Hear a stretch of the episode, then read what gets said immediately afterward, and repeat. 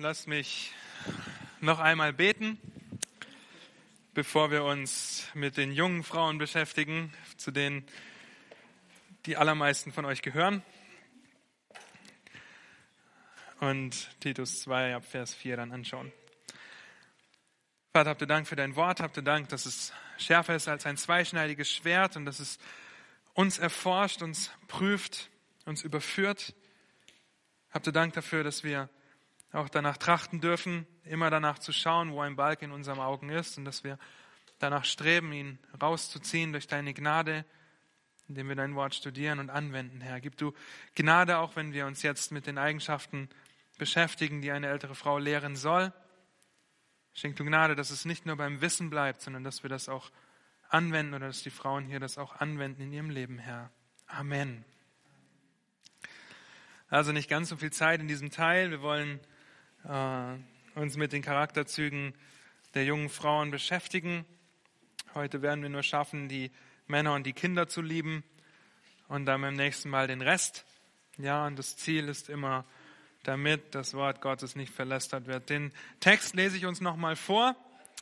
Ich möchte gerne, dass der sehr präsent ist in unseren Köpfen. Da ist in ab Vers 1 in Kapitel 2, du aber rede, was der gesunden Lehre entspricht, dass die alten Männer nüchtern sein sollen, ehrbar, besonnen, gesund im Glauben, in der Liebe, in der Geduld, dass sich die alten Frauen gleicherweise so verhalten sollen, wie es Heiligen geziemt, dass sie nicht verleumderisch sein sollen, nicht viel Weingenuss ergeben, sondern solche, die das Gute lehren, damit sie die jungen Frauen dazu anleiten, ihre Männer und ihre Kinder zu lieben, besonnen zu sein, keusch, häuslich, gütig und sich ihren Männern unterzuordnen, damit das Wort Gottes nicht verlästert wird.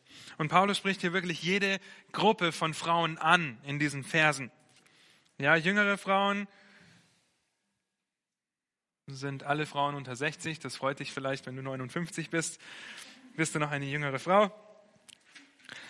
Und wenn ihr euch die Gesellschaft anschaut, dann ist heute kein biblischer Standard, kein biblischer Maßstab mehr angegriffen als die Rolle der Frau.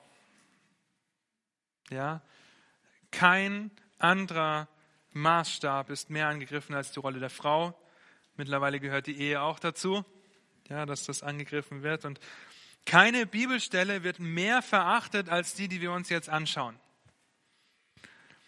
Und deshalb wollen wir sie uns jetzt anschauen. Okay? So wie mit vielen weltlichen Einflüssen auf die Gemeinde ist das heute auch mit dem Feminismus, ja, der Frauenbewegung im Namen der Frauenrechte, der auch in Gemeinden Einzug hält, wird Gottes Wort verlästert und untergraben. Die von Gott gegebenen Anweisungen der Ehe und Familie und damit auch Ehefrau und Ehemann und eine Frau und ein Mann generell sind die grundlegenden Säulen der Gesellschaft heute, ja, die von allen Seiten ohne Verstand eigentlich angegriffen werden. Ja, Hauptsache Familie kaputt machen, weil Gott das so instituiert hat. Hauptsache die Rolle der Frau verdrehen und zerschneiden und das Zerfetzen der Luft, was Gottes Wort sagt. Es geht nicht darum, eine bessere Gesellschaft zu haben, sondern es geht einzig und allein darum, Gott zu untergraben. Ein Kommentator sagt folgendes Zitat, ein etwas längeres Zitat.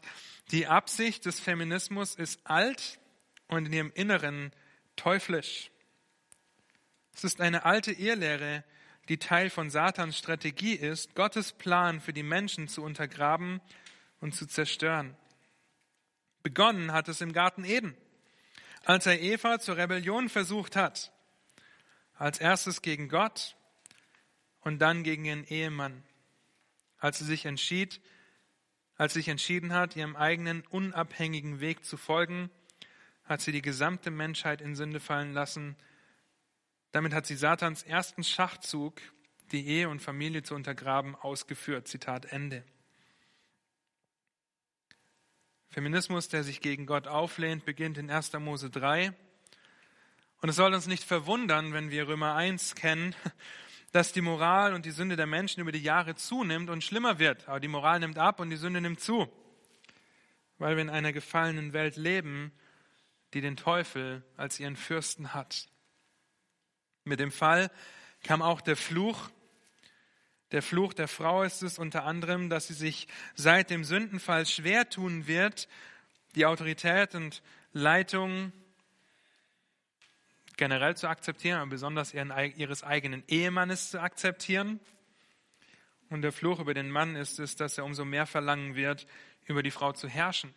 Ja, dass er das mit aller Gewalt ausführen wird. Mit dem Sündenfall und dem Fluch kam die Verdrehung der eigentlichen Rolle von Mann und Frau.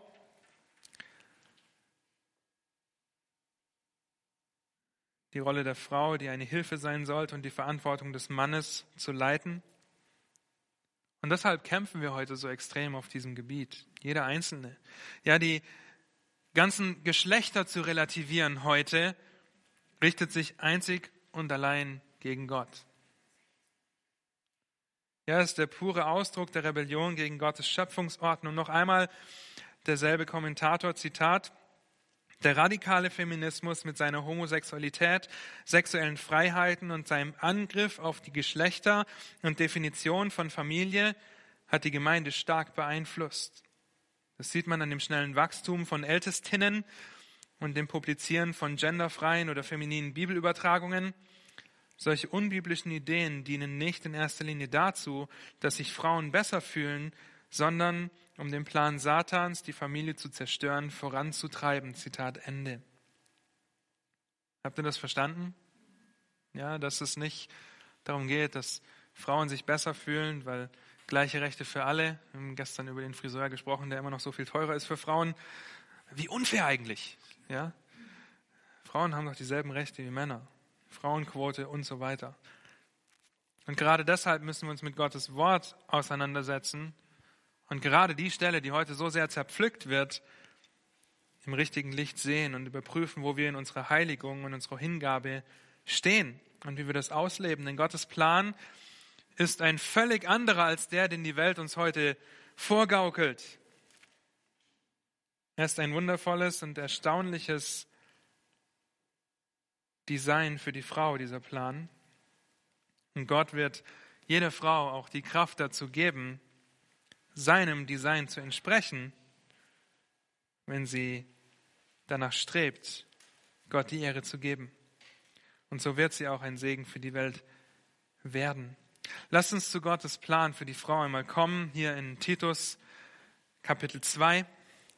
Zunächst sollen jüngere Frauen ihren Ehemann lieben. Wie ist das eine Charaktereigenschaft? Nun, im Griechischen steht hier ein Wort. Philandros heißt es. Das heißt wirklich übersetzt Ehemann liebend. Ja, sie soll Ehemann liebend sein. Äh, und damit ist das eine Charaktereigenschaft. Ja, das heißt, sie ist hingegeben, und Paulus spricht hier nicht primär von der romantischen oder sexuellen Liebe, die natürlich ihren Platz ausschließlich in der Ehe hat, sondern er spricht von der hingegebenen der Liebe, der Liebe, die sich verpflichtet, die sich entscheidet. Und genauso müssen sich übrigens wir Männer entscheiden und verpflichten, unsere Frauen zu lieben, Epheser 5, so wie Christus die Gemeinde geliebt hat. Es ist eine bereitwillige, entschlossene Entscheidung, deinen Mann zu lieben, egal ob er es verdient oder nicht. Es geht nicht um das Verhalten deines Mannes, sondern um das Gebot Gottes, dem du die Ehre geben willst. Okay? Und das ist jetzt definitiv eine Charaktereigenschaft, die verheiratete Frauen angeht, natürlich. Ja. Aber wir werden an keiner Stelle finden, Liebe deinen Mann, wenn er die Küche macht. Liebe deinen Mann, wenn er den Müll rausbringt und dir jeden Tag Blumen schenkt. Liebe deinen Mann, wenn er sich drei Stunden am Tag mit Zeit nimmt und von diesen drei Stunden zwei Stunden redet. sich mitteilt. Liebe deinen Mann erst, wenn du ihm nicht alles aus der Nase saugen musst. Ja? Werdet ihr nicht finden. Ja? Meine Frau sagt das regelmäßig. Muss ich dir alles aus der Nase saugen? Aber ich arbeite da an mir. Und es ist bedingungslos. Bedingungslose Liebe, die sich auf die Liebe Gottes zu uns gründet. Ich weiß, dass meine Frau mich liebt, okay? auch wenn ich das gerade gesagt habe, liebt sie mich trotzdem. Ähm, es ist bedingungslos und eine Entscheidung, die sich auf die Liebe Gottes gründet. Und überleg mal, wenn Gottes Liebe an Bedingungen geknüpft wäre,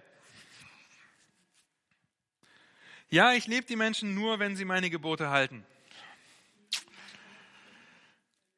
Vorbei, oder? Ja, wir könnten jetzt äh, die zehn Gebote ganz klassisch herannehmen dafür. Hast du schon mal gelogen? Wenn du Nein sagst, dann war das deine erste Lüge. Du bist ein Lügner. Hast du schon mal gestohlen? Ja, du bist ein Dieb, aber du bist ein lügnender Dieb. Hast du schon jemanden umgebracht? Ja? Okay. Wieso ja? Weil die Bibel davon spricht, dass wer seinen Bruder hasst, ein Mörder ist. Okay, das beginnt alles in Gedanken. Warst du schon mal neidisch und eifersüchtig?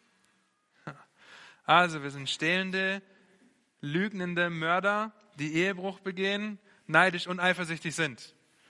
Ja, und auch ganz bestimmt nicht zu jedem Atemzug ihres Lebens Gott die Ehre geben. Ja, ihren Gott von ganzem Herzen, mit ganzem Verstand lieben. Und vielleicht habt ihr auch den Namen Gottes schon falsch gebraucht.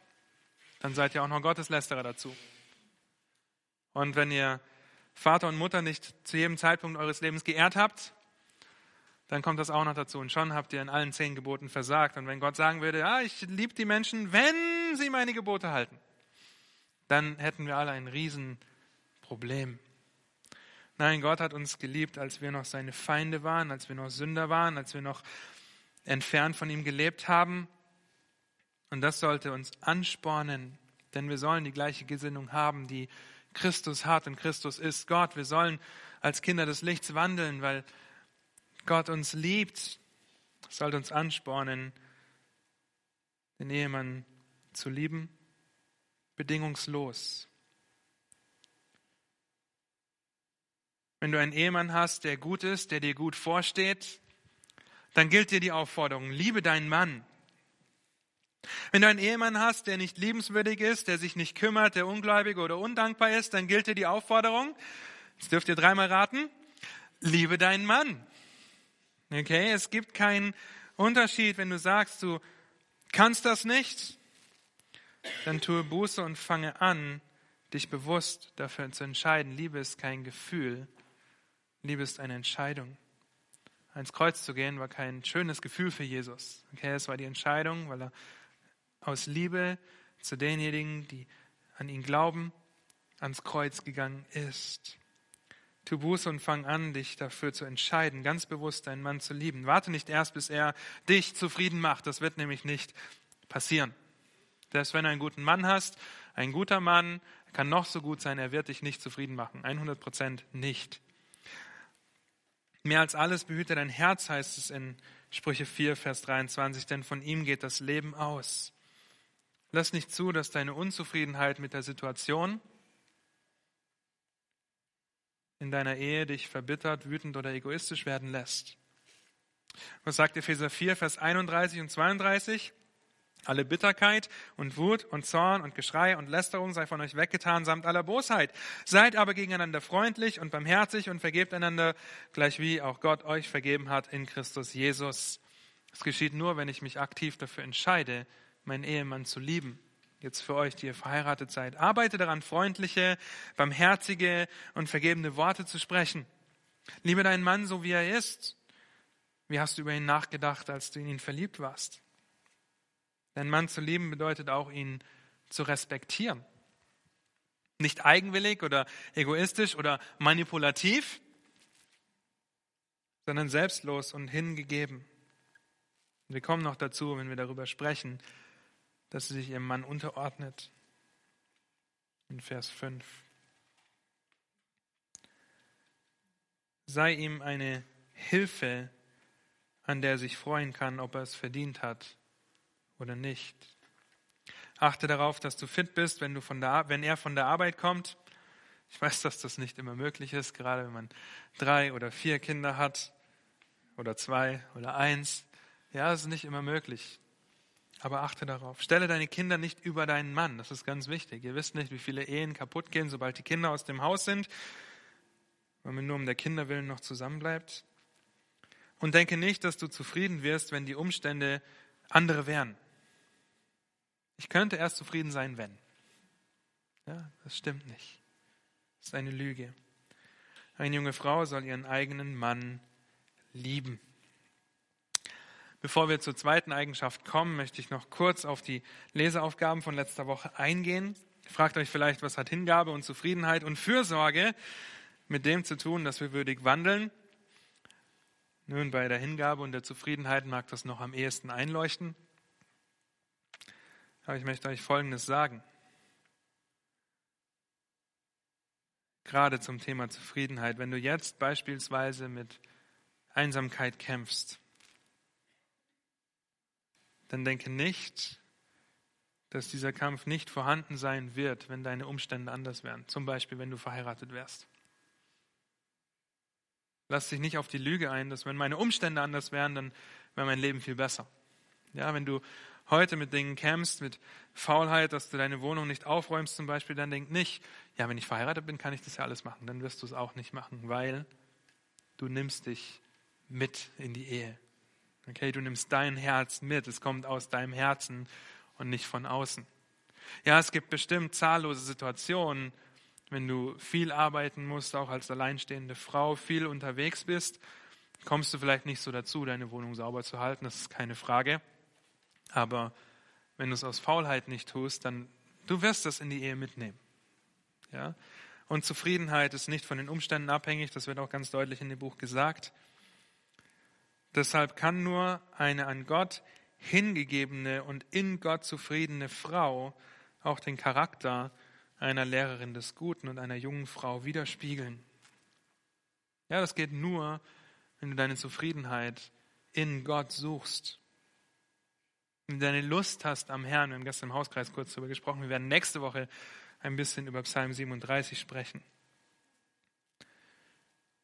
Und bei dem Kapitel über Fürsorge seid ihr über die Stelle in 1 Timotheus 2, Vers 15 gestolpert. Da schreibt sie darüber. Ich möchte euch kurz verschiedene Sichtweisen aufzeigen. Sie macht das auch ganz kurz. Das ist die Stelle, dass die Frau durch das Kindergebären gerettet wird. Eine bessere Übersetzung wäre, dass sie dadurch bewahrt wird. Zum einen gibt es die Meinung, dass es sich um das ewige Leben handelt. Das ist natürlich Quatsch. Ja, weil wir nicht aus Werken gerettet werden und alles zudem hätten dann alle Frauen, die keine Kinder haben oder bekommen können, ein Riesenproblem. Es gibt auch die Ansicht, dass es sich um körperliche Bewahrung handelt. Das hat sie auch geschrieben in dem Kapitel, dass gläubige Frauen bei der Geburt ihres Kindes nicht sterben. Auch das ist Quatsch. Ja, unendlich viele Frauen sind bei der Geburt gestorben, die gläubig waren. Also muss es sich um eine geistliche Bewahrung handeln. Und hier gibt es auch drei größere Sichtweisen, die alle drei auch begründbar sind, auch biblisch. Das können wir auch so stehen lassen. Die erste ist, dass es sich um die Errettung durch den Messias handelt, nämlich dass Eva den Retter geboren hat. Ja, und durch die Frau der Messias auf diese Welt kam, der von Sünde erlöst. Okay? Das würde ein bisschen dem Argumentationsstrang von Paulus widersprechen, weil er sich auf das Kinderbekommen bezieht und nicht auf das Resultat des Kinderbekommens. Ja, das Ergebnis ist nicht, er, er spricht nicht vom Ergebnis, sondern er spricht von der Handlung des Kinderkriegens. Und es würde noch Maria hier mit einführen und er spricht gerade von Eva. Ja, und das würde das Ganze nur komplizierter machen. Also die erste Sicht, dass es sich um den Messias handelt. Die zweite Sicht ist die, dass die Frau von dem Stigma, also von diesem schandhaften Laster des Sündenfalls befreit wird. Das bedeutet, die Frau kann sich von den Folgen des Sündenfalls teilweise erholen, wenn sie Kinder bekommt und sie im Glauben aufzieht. Ja, die Sichtweise ist eine gute Sichtweise, weil es einfach zeigt, dass eine Frau Kinder erziehen kann zur Ehre Gottes und damit ein bewahrt wird. Es bezieht sich auf die Ehefrau und Mutter. Auf der anderen Seite sehen wir auch, dass Adam für den Sündenfall verantwortlich gemacht wird und nicht Eva. Und die dritte Sichtweise ist die, dass sie vor der Verführung Satans bewahrt wird. Die Sichtweise dreht sich um die Rolle der Frau. Es geht um eine zeitliche Bewahrung vor der Verführung Satans, indem er versucht, die Rollen zu verdrehen und durcheinander zu bringen. Dadurch, dass eine Frau Kinder bekommt, hat sie oder kann sie sich voll und ganz auf die von Gott gegebene Rolle als Ehefrau und Mutter einlassen. Ja, wir haben heute die Möglichkeit, dass eine Ehefrau und Mutter zu Hause bleiben kann.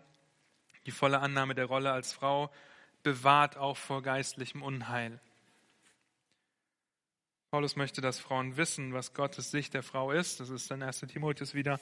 Und diese drei Sichten sind nicht verkehrt. Und meine Meinung ist so ein bisschen eine Mischung aus der zweiten und der dritten Sicht.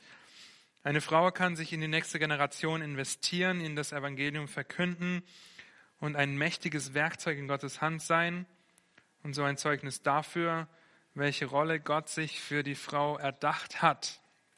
In, Im idealen Fall geschieht das, geschieht das mit den eigenen Kindern. Aber bitte denkt jetzt nicht, wenn ihr keine eigenen Kinder habt, dass ihr eure Rolle als Frau in diesem Sinne nicht ausführen könnt und nicht fürsorglich sein könnt. Ja, also ich vertrete eine Mischung. Es gibt unterschiedliche Auffassungen. Ihr könnt euch dazu auch nochmal die Auslegung von Daniel anhören. Er geht auf Position 3. Ich glaube, Carrie Green, weiß nicht, ob er sie immer noch vertritt, Position 1, dass es der Messias ist. Aber es gibt unterschiedliche Dinge von, von treuen Männern, die, die Gottes Wort lieben, die allen Eifer daran setzen, es gut auszusetzen. Äh, MacArthur vertritt Position 2. Ihr seht schon, ja. Ähm, manchmal gibt es auch Dinge, die wir nicht zu 100 begreifen können. Und das müssen wir dann in dem Fall auch nicht, aber es geht wirklich um die Rolle der Frau. Okay? Es war ein kurzer Exkurs, wir haben nicht mehr viel Zeit, der wichtig ist, weil wir zum nächsten Aspekt kommen, nämlich, dass eine Frau kinderliebend sein soll. Ja? Philotechno, aber dasselbe Wort wie für den Ehemann liebend, sie soll kinderliebend sein. Es handelt sich um dieselbe Art von Liebe, hingegeben, selbstlos.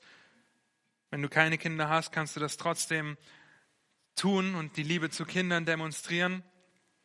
Nun, ihr wisst, dass wir keine Kinder bekommen können und konnten und uns für die Adoption entschieden haben. Andere haben Kinder in der Pflege, arbeiten in der Kita oder auf einer Wohngruppe. Das ist ein Ausdruck des Kinderliebens. Und ihr Lieben, ich möchte euch bitten, eure Herzen zu schützen und nicht zu denken, oh, ich muss ein Kind im Bauch haben, dann kann ich es erst lieben. Oder ich muss ein Kind im Bauch haben, dann kann ich erst zufrieden sein. Denkt nicht, dass Paulus hier nur Babys meint, wenn er davon spricht, kinderliebend zu sein. Ja, ja, ich kann ein Kind lieben, bis es zwei Jahre alt ist, dann ist vorbei. Es ist die Entscheidung, den Kindern bei jeder Gelegenheit das Evangelium durch deinen Wandel und deine Worte zu verkünden. Okay, wenn du mit Kindern rausgehst, weil du auf sie aufpasst Zeig ihnen die Schöpfung Gottes. Hey, wer hat den Baum gemacht? Schau die schöne Blume an. Wer hat die gemacht? Und die Vögel, wie die singen. Wer hat das gemacht? Wer hat alles gemacht? Gott hat alles gemacht. Dich aufopfern, für sie hinzugeben, wenn du die Möglichkeit hast. Das bedeutet es eigentlich, ja, wenn du keine Kinder hast.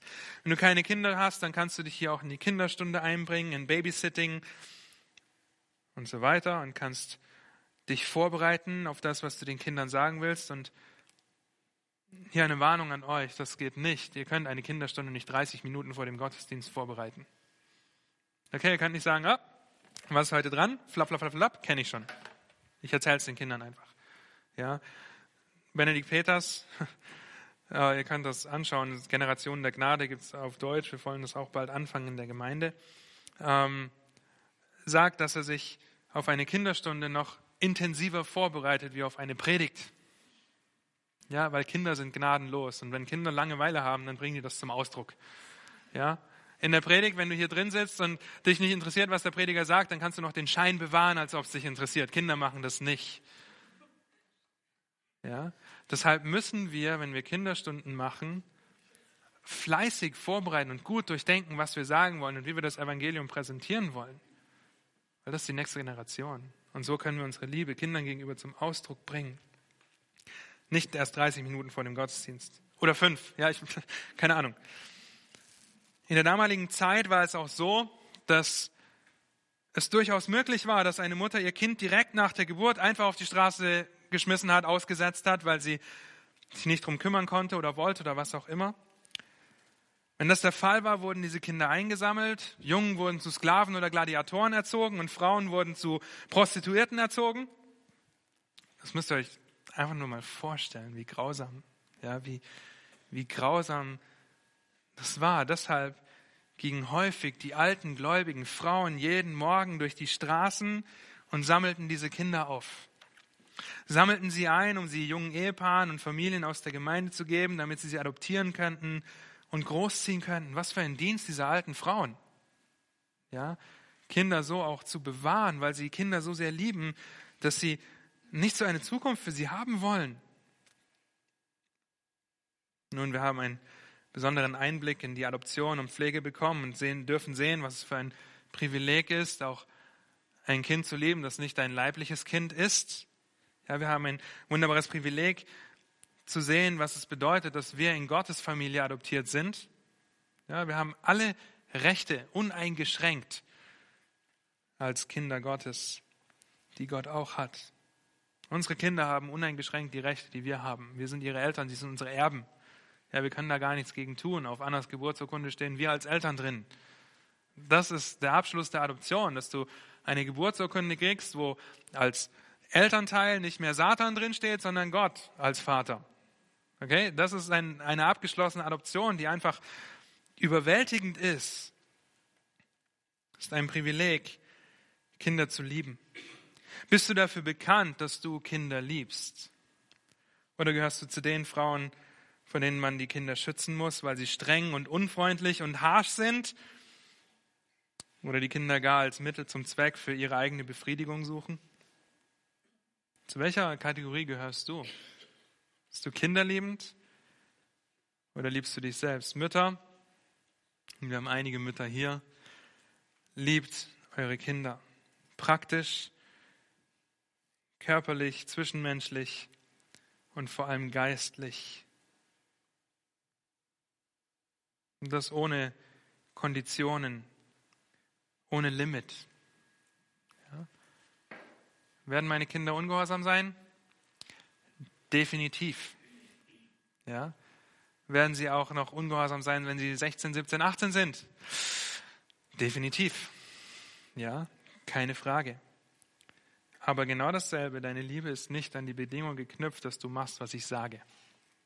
Ja, sondern weil ich von Gott den Auftrag habe, mein Kind zu lieben, liebe ich es um Gottes Willen, nicht um meinetwillen.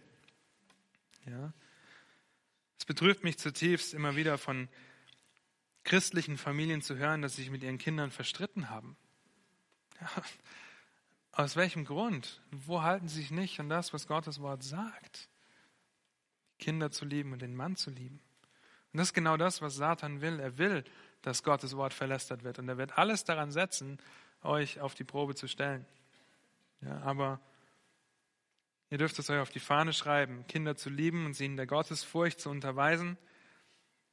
Wenn es deine Kinder sind, sie auch in der Zucht und der Mahnung des Herrn zu erziehen. Und ihnen Gottes Wort lieb zu machen, ihnen Christus am Kreuz lieb zu machen, der für ihre Sünde genauso gestorben ist wie für meine. Ja, wie oft ich, wie oft Miri, wie oft wir unsere Kinder um Vergebung bitten müssen, weil wir ebenfalls unfreundlich reagieren. Das können wir auch. Ja? Aber wir müssen um Vergebung bitten und einfach genauso aus der Kraft des Evangeliums leben, wie wir uns für unsere Kinder wünschen, dass sie aus derselben Kraft versuchen zu leben. Nun, wir haben sehr viel behandelt, den Charakter von älteren Frauen bzw. reifen Christinnen auch die ersten beiden Bereiche einer jungen Frau, wie sie unterwiesen werden soll, nämlich männerliebend und kinderliebend zu sein. Das Ziel ist immer noch dasselbe. Und ich hoffe, dass euch das Ziel mittlerweile, also wenn ich euch dann in zwei Wochen nachts um zwei weg, warum sollst du dich als Frau verhalten? Damit das Wort Gottes nicht verlästert wird. Okay, das ist das Ziel, nichts anderes. Und ich bitte euch wirklich, alles daran zu setzen, Gottes Wort durch euren Wandel nicht zu verletzen. Ich habe auf Basecamp noch in den Dokumenten noch ein paar Hilfestellungen gegeben. Vielleicht hat der eine oder andere es schon gesehen. Ein paar Predigten habe ich hochgeladen von Carrie, von Dieter, von Daniel. Äh, ich habe auch meine Masterarbeit hochgeladen. Ich habe als erfahrene Mutter über die spezifischen Herausforderungen von der Umsetzung biblischer Mutterschaft in der heutigen Gesellschaft geschrieben. Elendlanger Titel, hat sich Dieter so ausgedacht. Ähm, ich sage nicht, dass das das Nonplusultra ist, aber es kann ein Anfang sein, ja, eine, eine Hilfe sein, eine Ermutigung sein für euch. Es kann euch helfen zu wachsen. Ja, wenn ihr das nicht lest, bin ich euch nicht böse. Wenn ihr sagt, okay, ich hatte die Wahl zwischen der Bibel und deiner Masterarbeit, ich habe mich für deine Masterarbeit entschieden, dann sage ich, okay, warum hast du nicht die Bibel genommen? Ähm, ja, aber ich möchte euch einfach Hilfe an die Hand geben, wie ihr lernen könnt, würdig eure Berufung zu wandeln. Und damit lasst mich noch einmal beten. Damit schließen wir ab und treffen uns nächste Woche wieder. Bis dahin dürft ihr noch einmal euch in dem Buch Heiligung durch Kapitel 5 und 6 kämpfen und Frau mit Profil, gell? Genau, richtig. Nein. Frau nach dem Herzen Gottes, richtig. Eins und zwei und dann nächste Woche drei und vier. Lass mich noch beten. Herr Jesus Christus, habt du Dank, dass wir Umgang mit Kindern haben. Herr, schenk du Gnade, dass wir unsere Zufriedenheit in dir suchen, dass wir uns dir hingeben und dass wir fürsorglich auch mit den Leben, welche, die wir noch führen mögen, raus in dieser Gemeinde. Schenk du Gnade, wenn wir jetzt auseinandergehen, dass, dass sie dir die Ehre geben, dass sie oder auch nötige Worte sprechen, erbauliche Worte, die nicht faul sind, damit du verkündigt wirst und groß gemacht wirst, damit dein Wort dadurch nicht verlästert wird. Herr, gib du Gnade dazu. Amen.